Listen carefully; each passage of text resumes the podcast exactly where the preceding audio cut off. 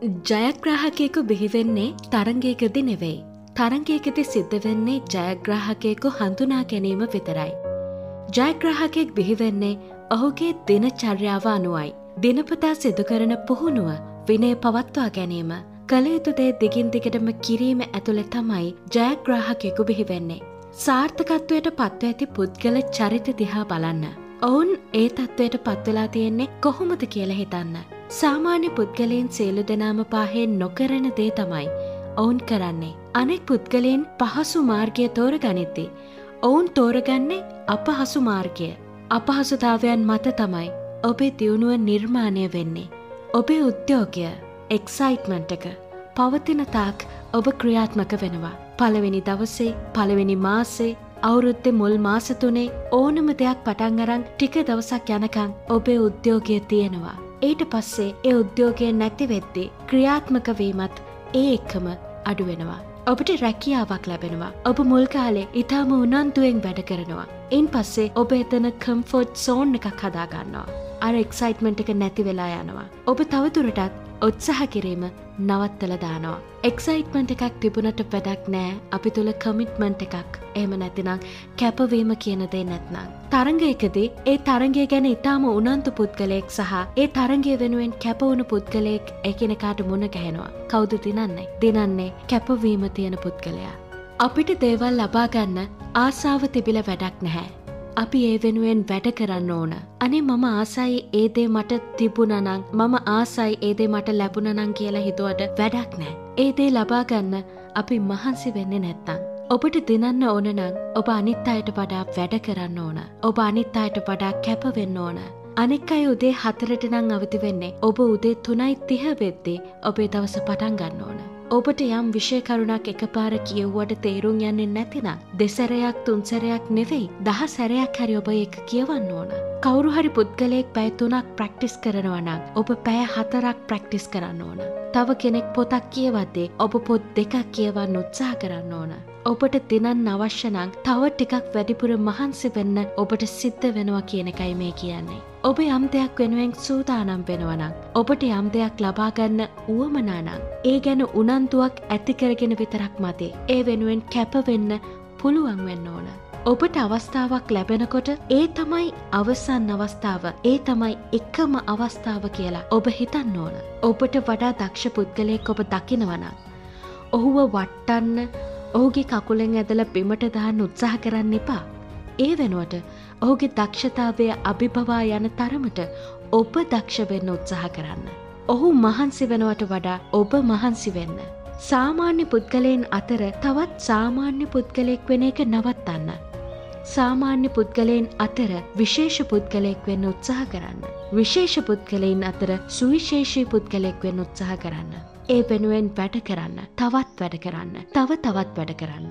කෙනෙක් නිදිමතයි කියලා නවතිනකොට ඔබ නිදි මරාගෙන වැඩ කරන්න. කෙනෙක් රස්නයි කියලා නවතිනකොට ඔබ දාඩිය දාගෙන වැඩ කරන්න. තව කෙනෙක් පහසුකං නෑ කියලා මගහරිනකොට ඔබ තියෙන දෙයින් කොහොම හරි වැඩ කරන්න. මොනදේ සිද්ධ වනත් වඩා වැතගත්තේ අත් නොහරින එක. ජීවිතය හැමවිටම රසවත් නැති බව අපි තේරුම් ගන්න ඕන. අපි යන මගේ ඉදිරියේ මොනතරම් බාධක ඇතිවනත් ඔබ අවසානය වෙනකං යන බව ඔබට ඒ දක්වා යන්න අවශ්‍ය ශක්තිය ඔබ තුළ තියෙන බව ඔබ විශ්වාස කරන්න ඕන.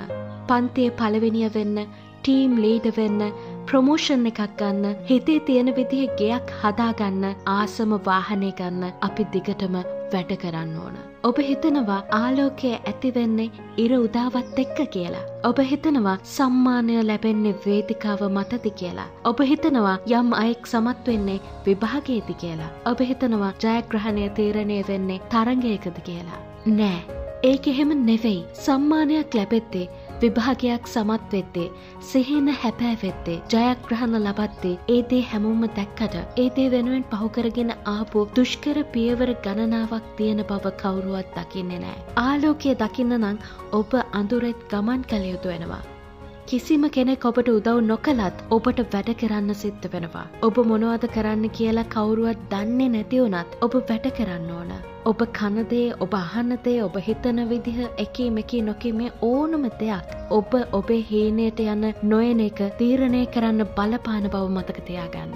අන්න ඒ නිසයි මම කියන්නේ අපිට අපේ හීනවලට යන්න එක්සයිට්මන්ට් එකක් තිබුණට මතේ ලයිෆ් ලෝන් කමිට්මන්ට් එකක් තියෙන්න ඕන කියලා. ඔබ ඔබේ හීනය වෙනුවෙන් කැපුුණ කෙනෙක් නම් ඔබට අවදි වෙන්න ඇලාම් එකක් අවශ්‍ය වෙන්නේ නෑ. ඔබේ සිහිනය ඔබව නියමිත වෙලාවට අවදි කරනවා. ඔබ ඔබේ හීනයට ආස කරන්න එපා. ආදරය කරන්න. ඒ හැඟීම ඔබ ඔබේ හීනට අරං යන්න ඔබට ශක්තිය ගෙනත් දෙනවා. ඔබ ඔබේ හීනයට යන්න කැපවෙන තරමට ඔබට කාලය මති වෙනවා. ඔබට වෙහෙසක් දැනෙන්නේ නැති වෙනවා. ඔබට බඩගිනි දැනෙන්නේ නැති වෙනවා. ඔබට කම්මැලිකමක් දැනෙන්නේ නැති වෙනවා. ඔබට පේන්නේ ඔබේ හීනය විතරයි. ඔබට ඔබේ හීනය හිමිකරගන්න අවශ්‍යනං ඔබට ඔබේ අරමුණට යන්න අවශ්‍යනම් ඔබ කළයුත්තේ එකම එක දෙයයි. කළයුතු දේ කරන එක. ඒ තමයි වැඩ කරන එක. ඔබේ ශ්‍රමය ඔබේ වෙහෙස ඔබේ කාලය ඇතුළු සීලුදේ ඔබ කැපකරපු තැනේදි තමයි ඔබට අවශ්‍ය වනදේ ඔබට ඔබේ කරගන්න පුළුවන් වෙන්නේ. කෙනෙක්ට හිතෙන්න පුළුවන් අනේ අපිත් වැඩ කරනවන කියලා. ඕ අපි හැමෝම වැඩ කරනවා. ඒත් ඇයි අපේ හීන පස්සට යන්නේ. අපි වැඩ කරන්නේ ජීවත් වෙන්න විතරයි. ජීවත් වෙන තරමට විතරක් වැඩ කරලා ජීවිතේ දිනන්න හිතුවට ජීවිතේ දිනන්න බෑ. ජීවත් වෙන්න විතරක් මේ තරම් වැඩ කරන්න ඕනනං ජීවිතේ දිනන්න කොයි තරම් වැඩ කරන්න ඕනද කියලා ඔබ හිතල බලන්න. නිකරුණේ කාලෙ ගෙවාගන්න කීයක් හරි හොයාගන්න කරන්න ඕනවට වැඩ කරන එකයි අරමුණක් වෙනුවෙන් වැඩ කරන එකයි දෙකක්. ඉස්සෙල්ලම ඔබ ඔබේ අරමුණ එහෙම නැත්නම් බලාපොරොත්තුව හඳුනගන්න. අන්න එතන ඉඳං ඒ වෙනුවෙන් වැඩ කරන්න පටන් ගන්න. ඔබට හඳට යන්න ඕනනම් හඳට එහා තැනක් අරමුණු කරන්න. හඳ පහු කරගෙන යන්න තරමට මහන්සි වෙන්න. එතකොටයි අපිට හන්දට යන්න පුළුවන් වෙන්නේ. ඔබ ඔබේ අරමුණ වෙනුවෙන් කැපවුණ කෙනෙක් නම් ඔබට නවතින්න හිතෙන්නේ නැහැ. යුද්ධයකට අඩිය තිබ්බට පස්සේ දිනන්න නම් දිකටම සටන් කරන්න ඕන. නැවතුනොත් පරාදයි. ජීවිතය කියන්නේ යුද්ධයක් සටනක් මේක දෙනන්න නම් දිකටම වැඩ කරන්න වෙනවා. ඔබ වැඩ කරන එක විනෝදාංශයක් කරගන්න. අපිට වැඩ කරන එක එපා වෙන්නේ අපිට අරමුණක් නැති හින්දා. පාඩන් කරන්න හිතෙන්නේ නැත්තේ අරමුණක් නැති හින්දා. ඉස්සෙල්ලම ඔබ ඔබේ අරමුණ හතාගන්න. ඊට පස්සේ ගැන උනන්දුවක් ඇති කරගන්න. ඊට පස්සේ වඩාත්ම වැතගත්තේ ඒ වෙනුවෙන් කැපවීමෙන් වැඩ කරන්න පටන් ගන්න. තමන් ගැන විශ්වාස කිරීම සහ මහන්සි වෙලා වැඩ කිරීම තුළ ඔබට සාර්ථකත්වය උපයාගත හැකි. මෙහෙම කියන්නේ ඉන්දයානු ක්‍රිකට් ක්‍රීඩක විරාත් කෝලි. දක්ෂ පුද්ගලයා මහන්සි වෙලා වැඩ කරන්නේ නැත්නං මහන්සි වෙලා වැඩ කරන පුද්ගලයා දක්ෂ පුද්ගලයාව අභිභවා යනව කියලා ප්‍රසිද්ධ කියමනක් තියෙනවා. ඒ ලබා ගැනීම පහසු කරන්න කියලා ඉල්ලන්න එපා. ඒ ලබාගත හැකි තරමට ඔබව ශක්තිමත් කරන්න කියලා දෙවියන්ගෙන් ඉල්ලන්න කියලා. තවත් කියමනක් තියෙනවා. මහන්සි වෙලා වැඩ කරන්නේ නැතුව සාර්ථකත්වය බලාපොරොත්තු වෙනවා කියන්නේ වගා කරන්නේ නැතුව අස්වැන්න බලාපොරොත්තු වෙනවා වගේ වැඩක් මේ තියෙන්නේ තවත් කියමනක්. ඔබ දන්නවද සාර්ථක පුද්ගලයෙන් සාක්ෂි ඉතුරු කරනවා. මේ කියමන් තමයි ඒ සාක්ෂි. ඔබ ඒවා එක කනකින් අහලා අනෙක් කනින් පිට කරලා තේරුමක් නෑ. මහන්සි වෙලා වැඩ කරන තරමට තමයි ප්‍රතිඵල අත්දකින්න ලැබෙන්නේ. මහන්සි වෙලා වැඩ කරාම ලැබෙන ප්‍රතිඵල අත්දකින්න වෙන්නේ මහන්සි වෙලා වැඩ කරලම තමයි. ඉතින් අද ඉඳං අපි පටන්ගමු. අපේ අරමුණු හීන වෙනුවෙන් කැපවෙන්න ඔබට සුබදවසක්.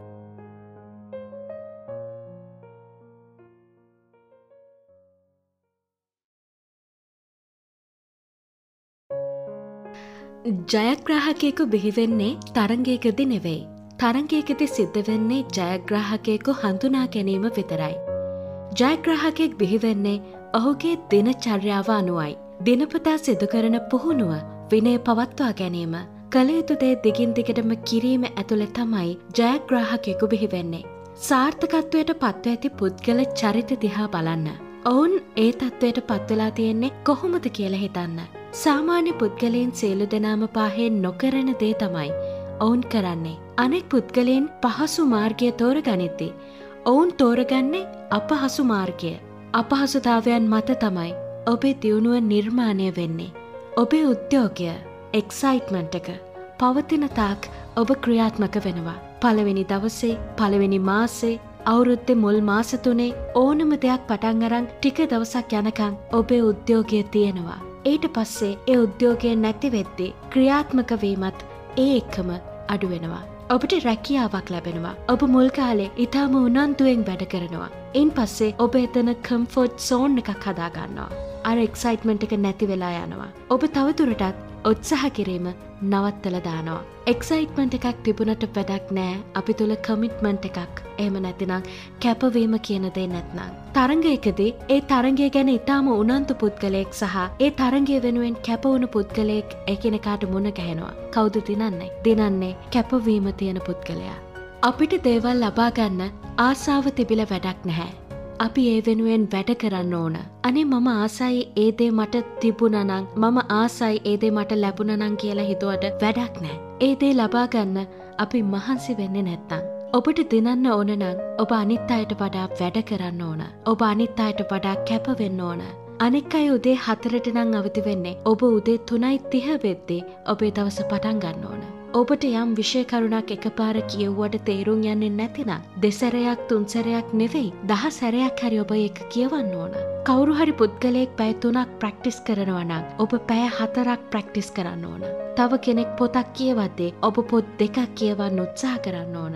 ඔබට දිනන් අවශ්‍යනං තව ටිකක් වැඩිපුර මහන්සි වෙන්න ඔබට සිද්ධ වෙනවා කියන එකයි මේ කියන්නේ. ඔබ යම් දෙයක් වෙනුවෙන් සූදානම් වෙනවනං. ඔබට යම් දෙයක් ලබාගන්න වුවමනානං. ඒ ගැන උනන්තුවක් ඇතිකරගෙන විතරක් මතේ. ඒ වෙනුවෙන් කැපවෙන්න පුළුවන් වෙන්න ඕන.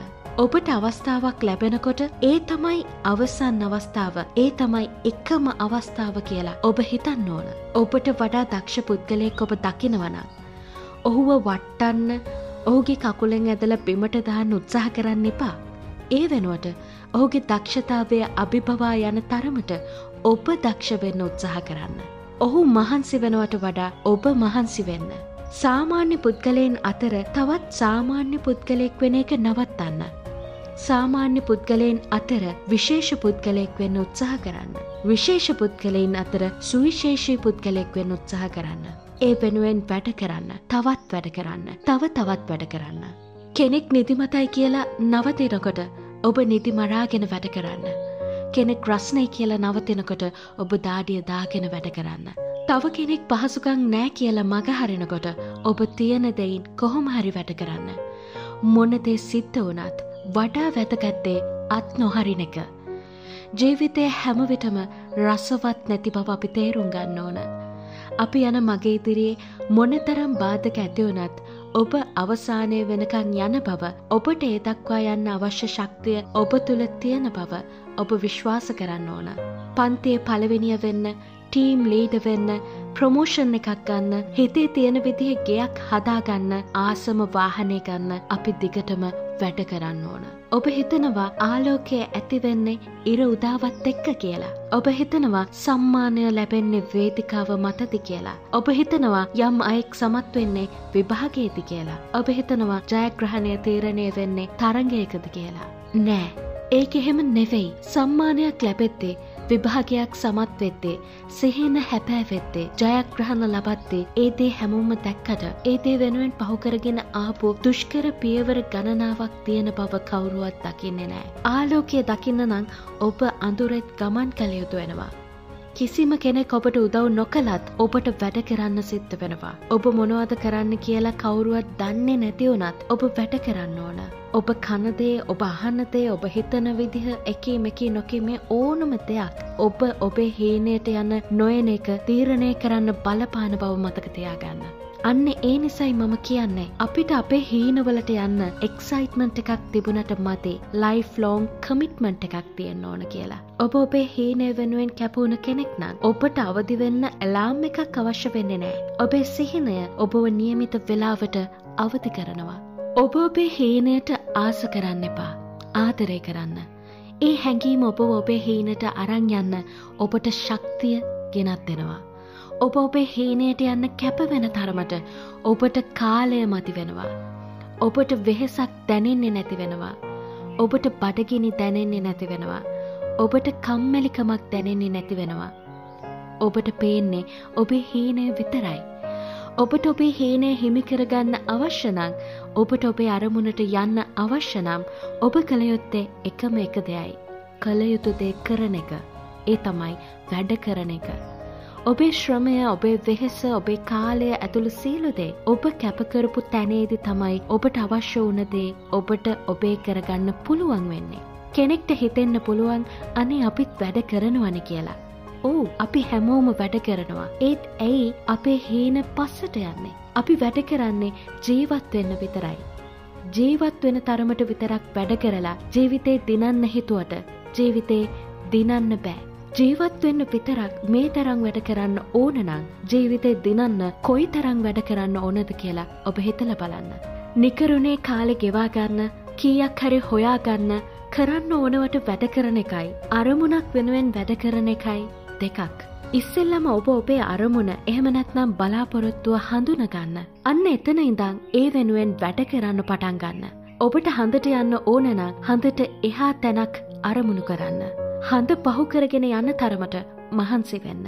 එතකොටයි අපිට හන්දට යන්න පුළුවන් වෙන්නේ. ඔබ ඔබේ අරමුණ වෙනුවෙන් කැපවුණ කෙනෙක් නම් ඔබට නවතින්න හිතෙන්නේ නැහැ. යුද්ධයකට අඩිය තිබ්බට පස්සේ දිනන්න නම් දිකටම සටන් කරන්න ඕන. නැවතුනොත් පරාදයි. ජීවිතය කියන්නේ යුද්ධයක් සටනක් මේක දෙනන්න නං දිකටම වැඩ කරන්න වෙනවා. ඔබ වැඩ කරන එක විනෝදාංශයක් කරගන්න. අපිට වැඩ කරන එක එපා වෙන්නේ අපිට අරමුණක් නැති හින්දා. පාඩන් කරන්න හිතෙන්නේ නැත්තේ අරමුණක් නැති හින්දා. ඉස්සෙල්ලම ඔබ ඔබේ අරමුණ හතාගන්න. ඊට පස්සේ ගැන උනන්දුවක් ඇති කරගන්න. ඊට පස්සේ වඩාත්ම වැතගත්තේ ඒ වෙනුවෙන් කැපවීමෙන් වැඩ කරන්න පටන් ගන්න. තමන් ගැන විශ්වාස කිරීම සහ මහන්සි වෙලා වැඩ කිරීම තුළ ඔබට සාර්ථකත්වය උපයාගත හැකි.